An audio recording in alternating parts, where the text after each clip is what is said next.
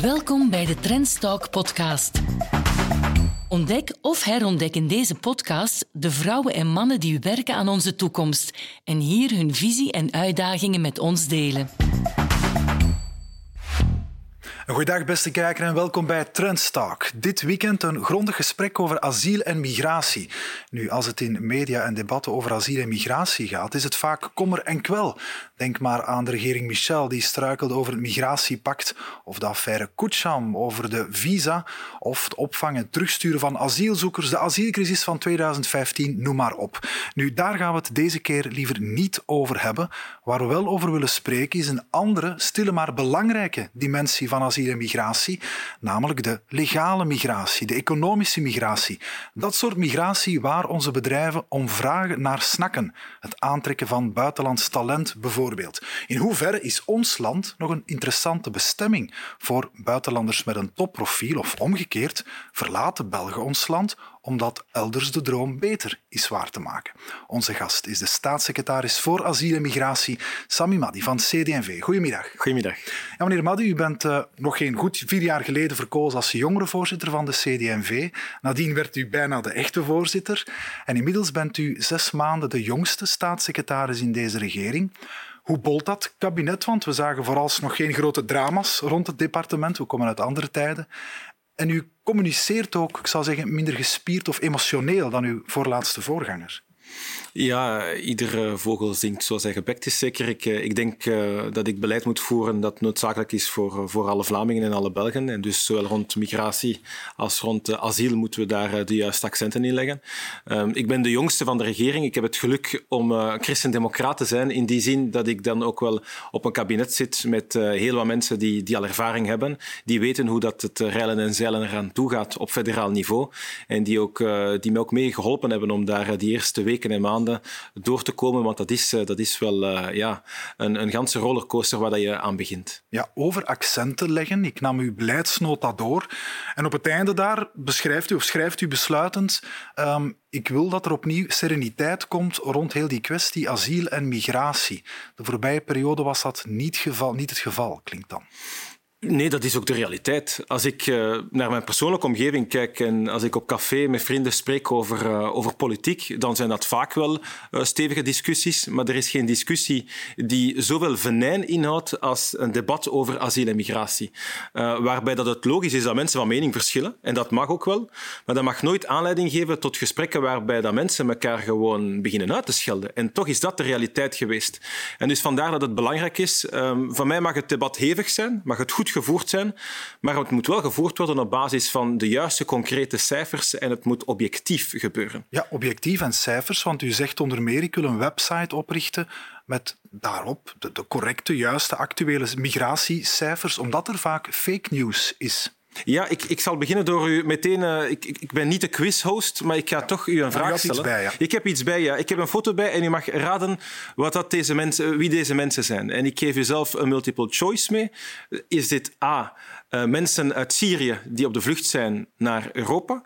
Of is dit B, uh, de Tweede Wereldoorlog waarbij dat Europeanen richting Noord-Afrika trekken?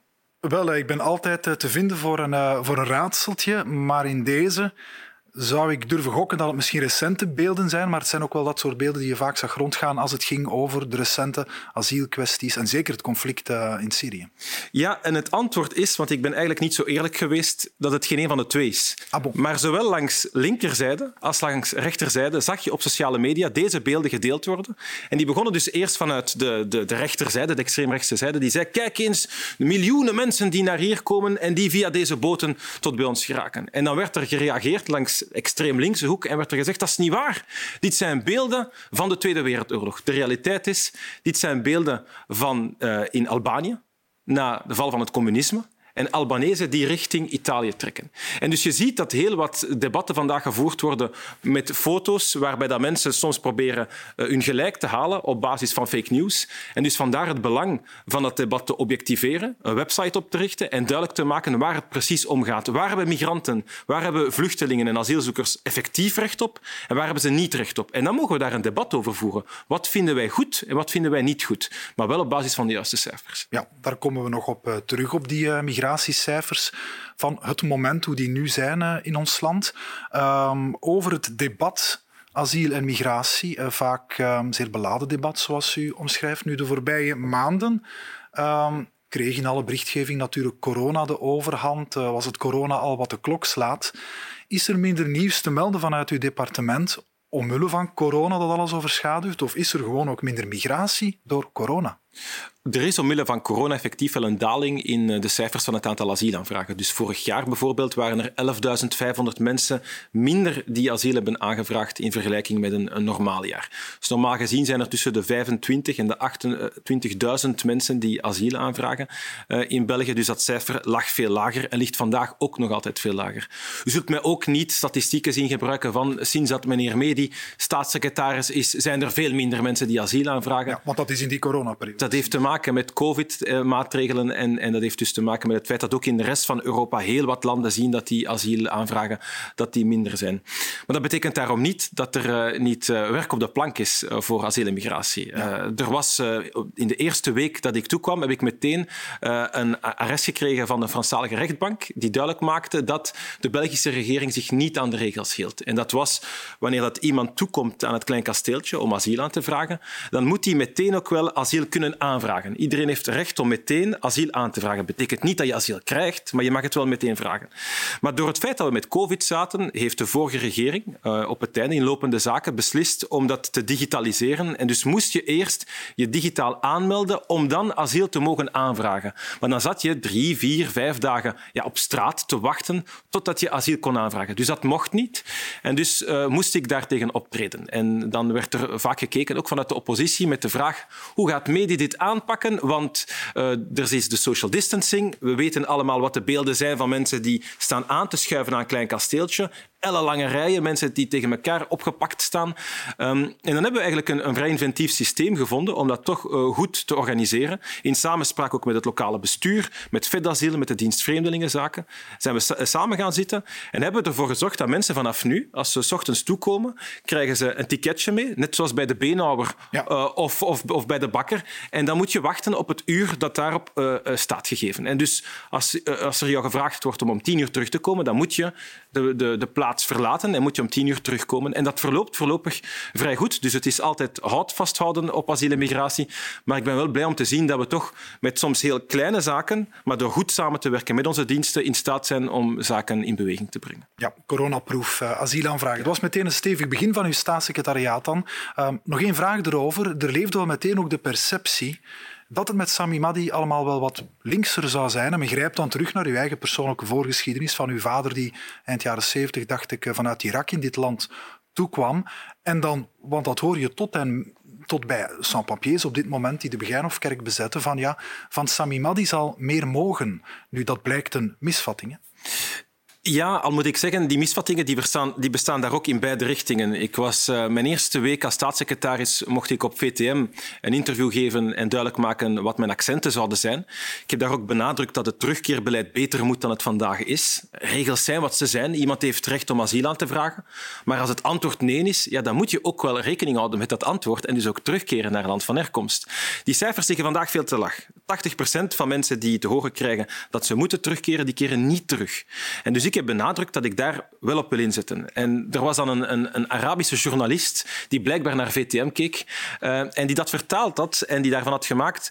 Uh, de staatssecretaris is van plan om alle Irakezen eh, uit gans Europa te deporteren richting Irak.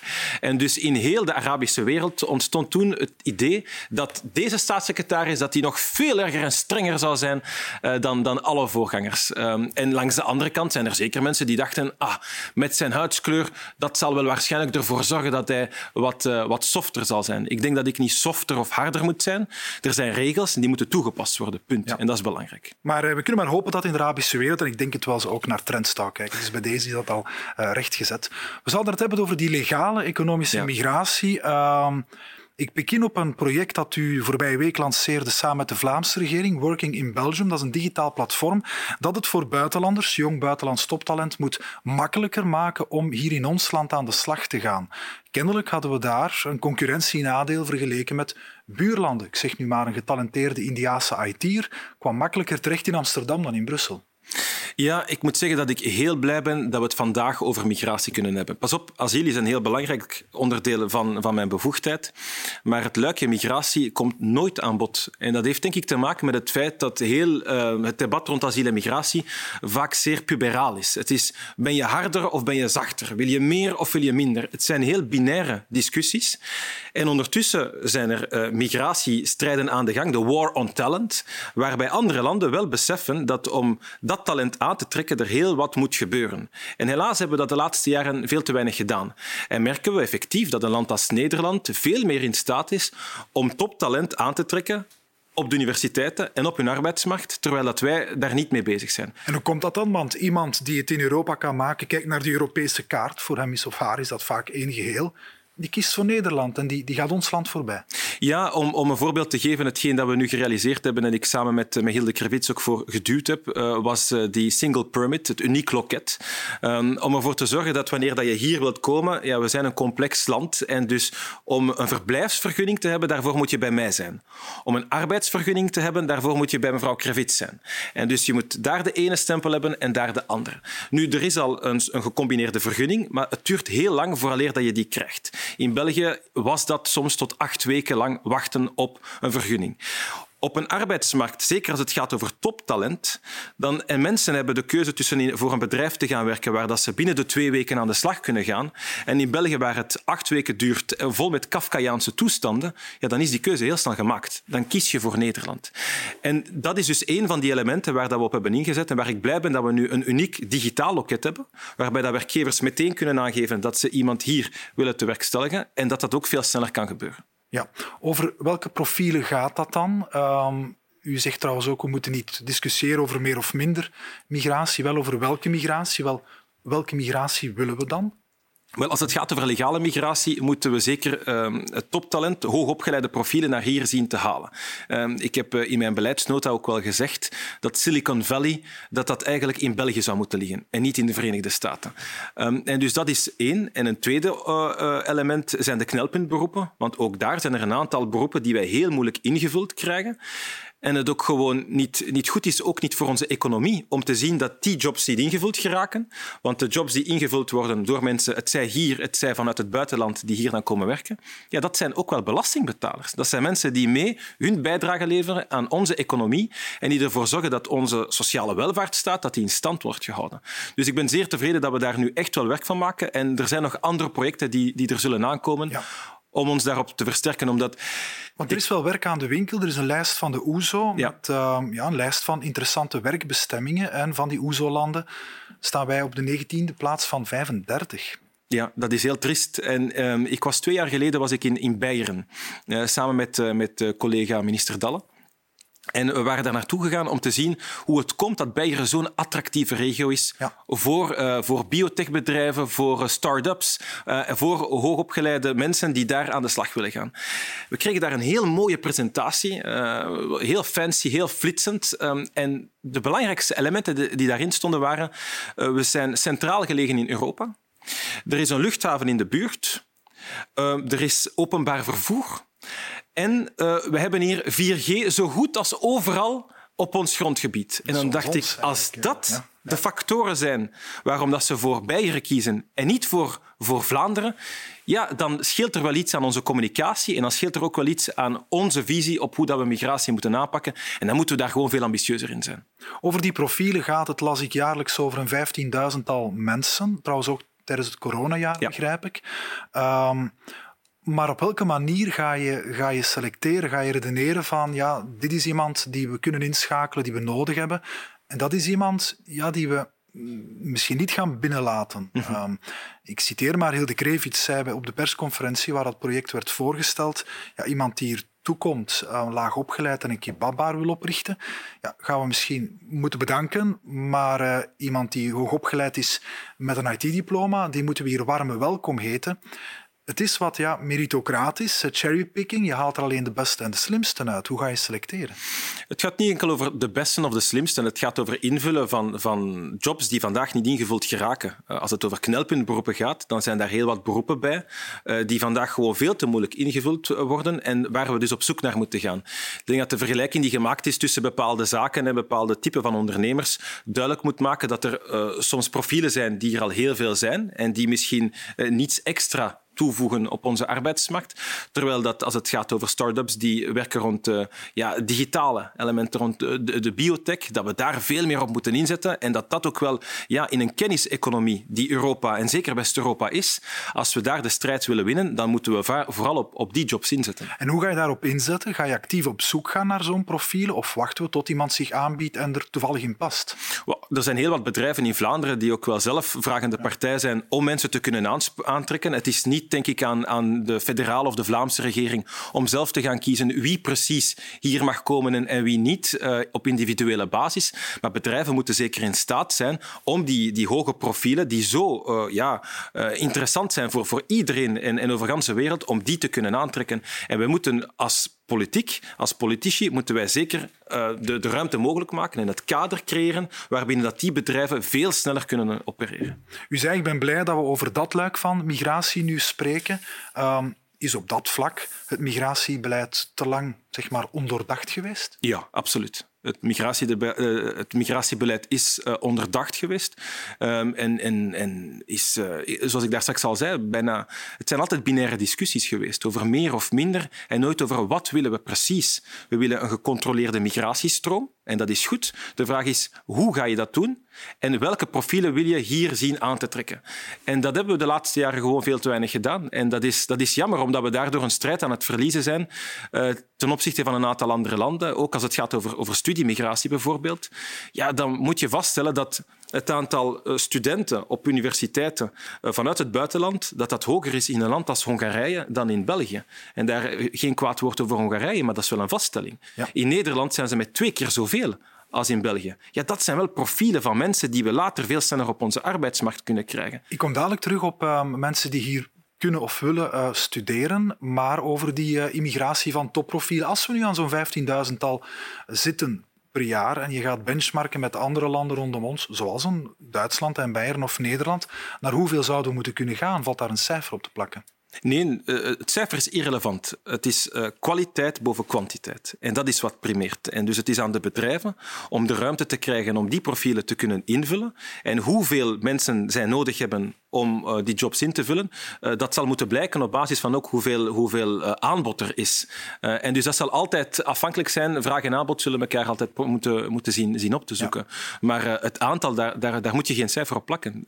de Belgische politici en de Vlaamse politici moeten er vooral voor zorgen dat het kader er is en dat er vooral zoveel mogelijk jobs kunnen zijn. Liefst ook ingevuld ook door onze Vlaamse arbeidskrachten. Dat mogen we ook niet vergeten. We moeten maximaal die inzetten. En de mismatch die er vandaag nog altijd veel te veel bestaat, op onze arbeidsmarkt, die moeten we zien weg te werken. Maar we mogen niet denken dat door enkel het weg te werken van die mismatch, dat daarmee alle problemen uh, wat, wat jobinvulling betreft, dat die opgelost zijn. Integendeel.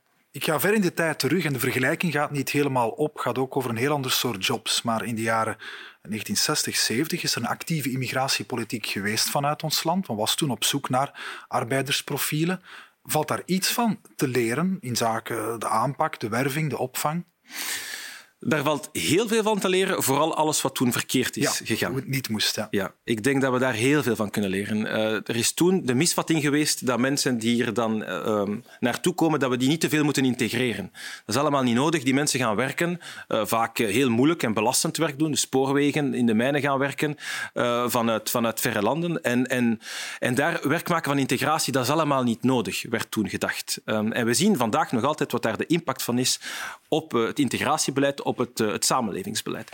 Dus we moeten vooral zien dat we leren uit, de, uit, die lessen en dat we investeren niet enkel in mensen aan het werk te krijgen, maar vooral hoe krijg je mensen ingebed in ons sociale weefsel. En, en als we dat niet uh, goed organiseren, dan krijg je opnieuw de problemen die we toen hebben gehad. Maar ik denk wel dat op basis van het integratiebeleid dat we vandaag ook wel in Vlaanderen uh, ontwikkelen, dat, dat we in staat moeten zijn om die, die fouten niet opnieuw te maken. Ja. U haalde studeren aan, studeren in België. Um, Ik heb de cijfers eens bekeken. Op dit moment gaat dat over een duizendtal Amerikanen, uh, sorry, een zeshonderdtal Amerikanen, duizend mensen uit China. Mhm. Goed en wel, het zijn er minder relatief minder dan in Nederland en buurlanden. Van waar hebben we die achterstand? Ja, ik denk dat dat ook wel eh, te maken heeft voor een stuk met welke opportuniteiten je daarna hebt hier op onze arbeidsmarkt. Um, ook daar hebben we uh, iets mogelijk gemaakt hier vandaag, een maand geleden. En dat is de omzetting van de studierichtlijn. Um, dus u moet weten dat iemand hier komt studeren om, om, ingenieur te worden of IT'er, ehm, dat hij, als hij hier afstudeert en die is niet Belg, dat hij meteen een job moet hebben gevonden. Als dat niet het geval is op het moment dat hij met zijn petje de lucht ingooit, dan moet ik die persoon een bevel geven om het grondgebied te verlaten. En dus um, indien u ook nog eens beseft dat iedere student in België 12.000 euro kost, dat is de kostprijs van een student, ja, als je die persoon daarna ook wel de dag dat hij afstudeert vraagt om het land te verlaten, dan is dat alleen maar een kost geweest. Als je die persoon ook de ruimte geeft om op zoek te gaan naar een job, dan is dat een investering. En dus vandaar dat we uh, die studenten een zoekjaar geven, een jaar de tijd, om op zoek te gaan naar een job op onze arbeidsmarkt. En ik moet zeggen, wanneer dat ik uh, politiek met een aantal initiatieven kom, dan krijg ik heel wat reacties op Twitter en op Facebook, in alle mogelijke richtingen. Het was de allereerste keer dat ik dat het, de meeste reacties dat die op LinkedIn kwamen. Van studenten uit China, uit Amerika, uit Nieuw-Zeeland, van alle landen van de wereld die mij zeiden heel goed dat je dit doet en zo jammer dat dit zoveel jaar geleden niet al bestond. Want ik heb helaas België moeten verlaten. Ik ben afgestudeerd in België en ik had hier zo graag verder gewerkt, maar ik moest vertrekken. En daarmee hebben we dat concurrentienadeel met Nederland dan al ingelopen op dat vlak? Op dat vlak wel, ja. Op dat vlak hebben we er effectief al voor gezorgd dat studenten veel meer ruimte hebben om eens ze afgestudeerd zijn aan de slag te gaan. Maar er zal nog veel meer nodig zijn om die studenten tot hier te halen. Ik denk dat we samen moeten zitten ook met, met onze universiteit en moeten bekijken hoe dat we eh, die studenten naar hier halen en dat we vooral rond studie, migratie, verder initiatieven op poten zetten. Bestaat vandaag al. Hè. Eh, je moet weten, wanneer dat je vandaag mensen hebt die hier naar België komen, heb je vaak de frustratie en ik kan erover meespreken. Mijn eigen vader is afgestudeerd uh, hotelmanagement, gestudeerd in Irak, komt in België toe, diploma niet erkend. En dat, is, dat is frustrerend. Ja. Uh, maar er zijn heel wat mensen die via projecten van studie-migratie uh, één of twee jaar in België kunnen studeren um, en dus hier kunnen afstuderen, waardoor dat er geen vraag meer is naar is dat diploma nog wel hetzelfde waard als een, als een, als een Belgisch diploma. En daarna ook een paar jaar hier aan de slag kunnen gaan. En dus dan gaat het niet, zoals in het geval van mijn vader, over uh, vluchtelingen, maar eerder over legale migranten die hier een aantal jaar kunnen studeren en dus ook wel goed onderwijs krijgen. Daarna een aantal jaar hier op onze arbeidsmarkt actief kunnen zijn, bijdragen, uh, belastingen betalen uh, en ook wel ervaring opdoen. En daarna in een project na een aantal jaar terug kunnen keren naar land van herkomst. En met de ervaring die ze hebben opgedaan hier in België aan onze universiteiten en op onze arbeidsmarkt ook wel hun landen gaan versterken om ervoor te zorgen dat we niet uh, um, enkel aan brain drain doen, want dat is dan ook wel het, het grote gevaar. Is dat wat men zegt, die circulaire migratie? Ja, dat is een onderdeel van de circulaire migratie, die in dit geval, in dit voorbeeld, verloopt via studenten, die hier eerst studeren, dan werken en dan terugkeren. Maar circulaire migratieprojecten die bestaan vandaag ook met, met landen als Tunesië, Senegal en Nigeria. Die moeten we uitbreiden om niet enkel studenten, maar mensen die eigenlijk al werken in landen van herkomst en dan ook bepaalde profielen hebben die interessant zijn voor onze arbeidsmarkt. Dan gaat het bijvoorbeeld ook over IT'ers. Dat die hier een aantal jaar kunnen werken. Twee, drie jaar, dat zijn vaak korte projecten of van middellange termijn uh, hier kunnen werken, omdat we die nodig hebben. En daarna ook met die ervaring opnieuw kunnen terugkeren en ook uh, in dit geval hun arbeidsmarkt uh, kunnen gaan versterken met de ervaring die ze hebben. In de veronderstelling dat die mensen na een verblijf van twee, drie jaar hier bereid zijn om terug te keren naar dat thuisland, ja. terwijl ze hier misschien een stukje leven hebben uitgebouwd dan of liever hier willen blijven. Ja, behalve dat in dit geval het projecten zijn die uh, uh, omkaderd en omlijnd zijn. Mensen weten over hoe lang het gaat. En vooral de landen van herkomst die zijn ook wel uh, zeer happig om die personen te zien terugkomen. Ja. Het zijn hun hoge profielen die in ons land ervaring hebben opgedaan en die hun arbeidsmarkt opnieuw kunnen gaan versterken en hun economie gaan versterken. Dus die landen zullen zeer tevreden zijn om de ingenieurs en de IT'ers terug te zien vloeien naar, naar hun eigen land. Over um, diploma's. Er zijn ook een pak mensen die bijvoorbeeld als vluchteling hier komen met een diploma. U gaf het voorbeeld van, uw, van uw eigen vader, maar dat niet hier herkend is, of erkend is, uh, beter. Probeert daar manieren te vinden om die toch in te schakelen, dat diploma te valoriseren. Er was laatst een project in Limburg waar een eerste afgestudeerde was. Het was een, een project in geel. Uh, in geel, en, en, de Kempen. Ja, de, de Kempen. Ja. Dat, is, dat is Limburg. Dat is gevaarlijk, ja. De Kempen, ja. En ja, het eerste project uh, van Oemar, uh, een, een, man die, die vluchteling was in Libanon, die naar België is gekomen um, en die, die al ja, ervaring had en, en diploma's had in, in, land van herkomst, maar die hier niet erkend zijn. En voor het eerst in het project van MaxiPak is rekening gehouden met de ervaring en, en, en de diploma's die hij heeft, om hem niet zomaar zijn diploma's te laten erkennen, maar rekening te houden met zijn skills. En dus ook wel een, een apart traject te krijgen om af te kunnen studeren hier aan, aan onze universiteiten en hogescholen. Dus in dit geval de Thomas More Hogeschool. Um, en hem de mogelijkheid geven om nu af te studeren als in zijn geval sociaal werker. Ja. Um, en dat, uh, dat is een mooi project, omdat we daardoor mensen... En ik, ik, ik was aanwezig op zijn proclamatie. En ik zei er ook uh, tegen, tegen Oemar, maar uh, vooral tegen al die anderen, we zijn veel te snel tevreden in, in België. We denken veel te snel als mensen die hier toekomen, als die Nederlands kunnen en als die werken, dan, dan, dan is het oké. Maar voor mij is dat niet goed genoeg. We moeten het talent van mensen zo maximaal als mogelijk zien te benutten. En als die man ervaring heeft opgedaan in land van herkomst daar ook wel bepaalde diploma's heeft, ja, als we een traject kunnen ontwikkelen waarbij dat die man snel kan, kan afstuderen en hier op onze arbeidsmarkt onze economie kan versterken, ja, dan, is dat, dan is dat een geslaagde integratie. En al de rest niet. Ik vind niet dat iemand die ingenieur was in zijn land van herkomst naar hier komt en, en hier ander werk doet, uh, dat, dat, dat evenwaardig is, maar dat niet zijn talent volledig benut, dan is dat geen geslaagd integratietraject. Ja. Ik wil het met u even hebben over de migratiecijfers. U gaf al aan dat daar heel wat mythes over bestaan. Als ik nu de cijfers even bijneem, volgens Stadsbel, in ons land leven 1,4 miljoen mensen met een buitenlandse nationaliteit in deze, voor de duidelijkheid. Um, eerste vaststelling die de perceptie misschien wat moet bijstellen, het gros ervan is EU'er. Ja. Beschouwen we dat eigenlijk nog als buitenlander? De Nederlander die in Braschaat woont of de Spanjaard die hier in Brussel als expat werkt? Ja, afhankelijk aan, aan, wie je de vraag stelt, natuurlijk. een ehm, kwestie van perceptie. Ja, absoluut. Het is een kwestie van, van perceptie. En het zal uh, voor een Nederlander misschien iets minder een buitenlander zijn. Al ken ik Nederlanders die ook aan mij zeggen: Ik woon hier al tien jaar en uh, mijn accent blijft maken. dat ik toch nog altijd het gevoel heb er niet volledig bij te horen. En voor Spanjaarden ook. Ik, uh, ik ben van Vilvoorde en daar is een grootste Spaanse gemeenschap. Daar heb je ook nog altijd mensen die dat aanvoelen. En dan is de vraag naar Oost-Europese landen toe: wat is de perceptie daar naartoe? Maar het klopt zeker dat wanneer men hoort uh, x aantal mensen zijn van niet-Belgische origine, dat men daar uh, bepaalde landen uh, aan koppelt. Terwijl in de realiteit, zeker wat, wat Vlaanderen betreft, de grootste groep niet-Belgen zijn, zijn Nederlanders. Um, en dat vergeet men vaak en dat maakt de debatten ook opnieuw op dat vlak zeer binair um, en, en niet matuur genoeg. Dus ik, ik ben ook wel blij dat we die, die discussies wat kunnen uitpuren, omdat dat debat dat wel kan gebruiken. Ja, want er is ook een relatieve daling van het aantal niet-EU'ers in dat cijfer van 11 naar 6 procent. Bijvoorbeeld een opmerkelijke daling van het aantal uh, mensen afkomstig uit Noord-Afrika. Ja. En al zeker Marokko bijvoorbeeld. Ja, ik vermoed ook wel dat uh, de uh, hervorming van de gezinshereniging in 2011, uh, die er toen is gekomen, op, ook vooral op aansturen van, van Naima Lanjri ja. van onze partij, gemaakt heeft dat we een aantal grendel, grendels hebben ingebouwd. En dus dat je niet zomaar meer je moeder of vader kunt laten overkomen. Dat geldt wel voor je partner en voor je kinderen, maar niet, niet voor je ouders. Dat je ook wel moet bewijzen dat je kapitaalkrachtig genoeg bent om iemand in huis te kunnen nemen. En dat betekent niet dat je heel rijk moet zijn, maar dat je wel 120% van het leefloon moet hebben. En dat werkt ook activerend. Wil je iemand laten overkomen, goed, maar zie dat je werkt. En dan, dan helpt dat ook wel. En daarnaast ook wel dat integratie belangrijk is. Ehm, de cijfers van Miria die geven aan dat bijvoorbeeld voor eh, mensen van Turkse origine in 2005 meer dan 70% op zoek ging naar een partner in land van herkomst. Nu, het is nooit uh, een probleem uh, aan zich wanneer mensen liefde vinden in een ander land. Maar wanneer dat systemisch is, dan is dat niet altijd even goed voor je samenleving. 70 procent is 70 systemisch. Hè? Is systemisch, absoluut. En dus dat was het geval in 2005.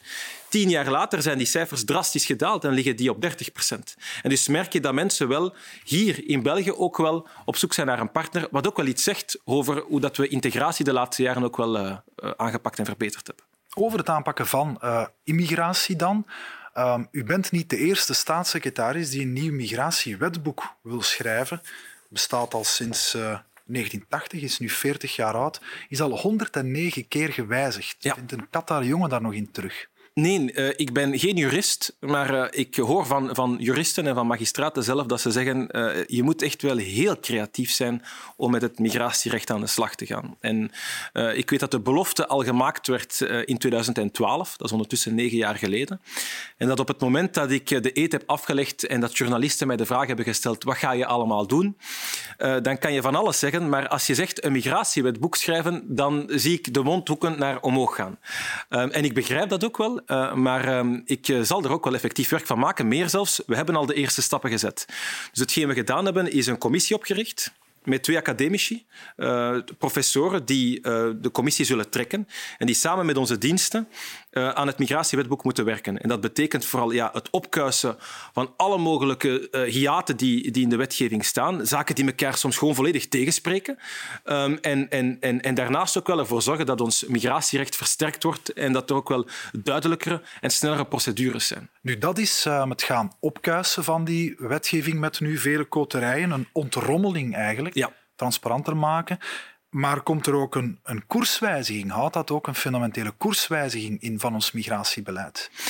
Wel, in, uh, u, u, kunt in, uh, in onze beleidsverklaring ook wel lezen dat bijvoorbeeld wat gezinshereniging betreft, dat we daar ons uh, willen spiegelen op wat onze buurlanden hebben. En dus we gaan kijken wat, dat er, wat het geval is in Nederland, in Duitsland, in Frankrijk, in Luxemburg, om goed te weten hoe dat ons migratiebeleid um, op elkaar afgestemd is. Want anders krijg je ja, problemen tussen bepaalde landen die, die concreet op het terrein wel wat voor, voor, voor overlast zorgen. Daarnaast ook vooral is een van de grote problemen van, van het asiel- en migratiebeleid het feit dat mensen van procedure naar procedure naar procedure gaan en van beroep naar beroep naar beroep gaan. En als je beroepsprocedures hebt die jaren aanslepen, ja, dan wordt het ook moeilijk om aan een terugkeerbeleid te werken.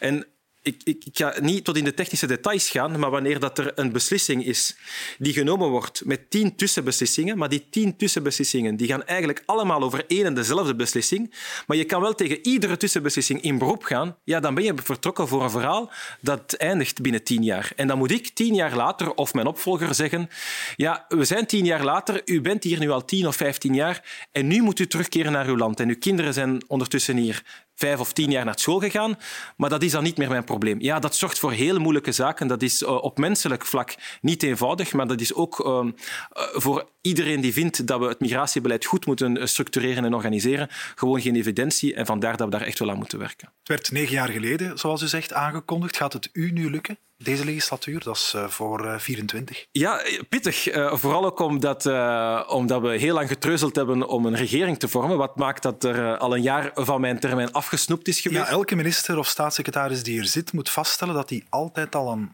meer dan een jaar kwijt is. Ja, inderdaad. Um, en dat is uh, frustrerend. Maar goed, ik, uh, ik kan leven op frustratie, maar daar is niemand mee gediend. Ja. En dus ik kan alleen maar leven op um, hoop en ambitie. En dat is wat ik heb. De hoop en de ambitie dat we er geraken uh, tegen het einde van de legislatuur. Kort daarover, want waar het de laatste week opnieuw vaak over ging, is de kwestie van de humanitaire visa. Aanleiding was nu het parlement dat uitleg vroeg na geruchten uh, over fraude met zo'n visa. Um, daarin werd dan de echtgenoot genoemd van um, N-VA-parlementariër Safai. Los van die zaak, we hadden voorheen de zaak Kucham. Um, ja, je hoort dan, die procedure moet transparanter worden. Jullie waken er nu al over wanneer dezelfde figuur altijd opduikt in een, in een dossier. Maar ja, wanneer iets transparanter moet, geregeld wordt, wanneer de regels komen voor de humanitaire visa, dan is het geen humanitaire visum meer misschien op den duur. Dan wordt het een standaardprocedure. Ja, klopt. En dus vandaar dat het belangrijk is dat we transparantie bieden aan het parlement. Dus het is ook de bedoeling om jaarlijks te communiceren in de commissie aan de leden van de commissie in het parlement over de humanitaire visa, zodat ook wel iedereen weet waar het precies en transparantie, over gaat. de cijfers, wie, wat, welke ja. rol speelde? Ja, dus de, vooral de cijfers en, en op welke manier, van welke landen, hoe precies in detail, daar zijn we mee bezig. Maar we moeten wel een transparante communicatie voeren naar het parlement toe. Ik denk als we transparant willen communiceren met een website over alle mogelijke mogelijke asiel- en migratiecijfers, dat het ook alleen maar normaal is dat we naar onze eigen parlementsleden en Kamerleden toe, uh, dat, we, dat we toch zien dat die ook wel op de hoogte zijn van hoe dat uh, humanitaire visa gebruikt worden. Ik vind wel, en, en u heeft het terecht aangegeven, uh, dat, dat we niet alles op, op één en dezelfde hoop mogen gooien. Dus de zaak Kucham is iets totaal anders dan de verhalen die nu de ronde doen ja. over mevrouw Safai. dat zijn geruchten en ik heb altijd gezegd, en ik zal het altijd blijven zeggen, iedereen is onschuldig tot het tegendeel is bewezen. En dus um, ja, proberen mensen af te maken in de media op basis van geruchten, dat is um, een beetje waar de politiek al veel te lang zieken is, waar ik niet aan mee wil doen. En dus ik wil ook heel duidelijk maken dat ik het betreur dat dat gebeurd is en dat ik daar ja, toch wel akte van neem dat anderen dat wel doen. Ja, Bart de Wever, NVA-voorzitter, wil u nog mee sleuren in zo'n discussie? Ja, ik vond, ik vond dat heel teleurstellend, omdat ik altijd heel, heel duidelijk gecommuniceerd heb. En effectief, meneer De Wever vond het nodig om, om daar mij, mij, over aan te spreken. terwijl, ja, ik heb wel een bepaalde verantwoordelijkheid te nemen. Dat betekent dat wanneer er geruchten zijn, dan moet ik... Ik kan niet zelf onderzoek gaan voeren. Ik ben geen inspecteur, ik, ben geen, ik, ik maak niet deel uit van het gerecht. En dus ik bied iets aan aan het gerecht waar dat zij dan hun werk mee moeten doen. En dat moet in alle sereniteit kunnen gebeuren. En het is zeker niet de bedoeling om daar partijpolitieke spelletjes van te maken. Over nog eens economische migratie. Ehm, u zei over uw bevoegdheid, ik ben, ehm, ik ben niet de DJ van het feestje, ik ben de portier. U staat als grenswachter, als het ware, om die beeldspraak aan te houden. Um, bekijkt uw departement wie hier in ons land terecht kan en niet. Wat er nadien gebeurt, is een kwestie van een job vinden, integratie uh, en zo meer. Er was een klein half jaar geleden een studie van de Nationale Bank die de economische impact berekende van migratie. Globaal was de conclusie positief. Hè. Men draagt bij aan het BBP per hoofd. Um, maar ook de kanttekening natuurlijk als het gaat over het inschakelen op de arbeidsmarkt. Zeker ook eerste generatie of de mensen die recent de voorbije vijf jaar zijn toegekomen. Daar is die participatie aan de arbeidsmarkt bijzonder laag. Ik dacht iets meer dan een 30 procent. Dat blijft een pijnpunt. En dat is trouwens een uh, groot verschil vergeleken met andere landen in Europa. Daar doen we het slecht. Ja, en dat is mijn grote frustratie. Vandaar dat ik de vergelijking maakte met ik ben portier, maar geen DJ. En ik zou graag ook mee uh, willen zorgen voor de muziek. Uh, omdat, omdat we daaraan moeten werken. En we, kunnen, we kunnen niet zeggen dat, dat de mensen die bij ons komen, dat dat degenen zijn die, die de meest luie zijn van gans de hoop. als ik merk dat in Nederland, op een paar kilometer van, van ons, dat, dat ze wel in staat zijn om veel meer mensen met migratieachtergrond mee aan de slag te krijgen. En dus dat is een ambitie die we moeten hebben. En vandaar ook wel dat ik werk heb gemaakt van een, een IMC, een interministeriële conferentie, om meer mee DJ te kunnen spelen. En dus die interministeriële conferentie die moet ervoor zorgen dat we tussen de regio's en het federale niveau rond de tafel zitten op heel wat uh, domeinen. En dus dan zal het gaan over werk, dan zal het gaan over, uh, over kwetsbare groepen, zoals jongeren bijvoorbeeld. Dan zal het gaan over het, woonbeleid en kunnen gaan bekijken hoe dat we onze beleidsdomeinen op elkaar kunnen afstemmen en het beleid kunnen versterken in alle mogelijke richtingen. Ja, helaas zit de tijd erop. En uh, moet ik dit gesprek afronden, maar we hebben bijzonder veel bijgeleerd over economische migratie, legale migratie, dat wat toch vaak iets te weinig aan bod kwam. Waarvoor bedankt, staatssecretaris Sami Madi. Dank je wel. U ook, beste kijker. Fijn dat u bij ons was. U weet, u kan al onze uitzendingen bekijken en herbekijken op onze website. Surf naar ons, surf naar www.trends.be. Volgende week zien wij u graag opnieuw terug voor opnieuw een Trendstalk. Trendstalk is de wekelijkse afspraak op kanaal Z, op trends.be en op deze Trendstalk podcast voor een goed gesprek over de thema's die ons alle aanbelangen. Tot volgende week voor een nieuwe aflevering.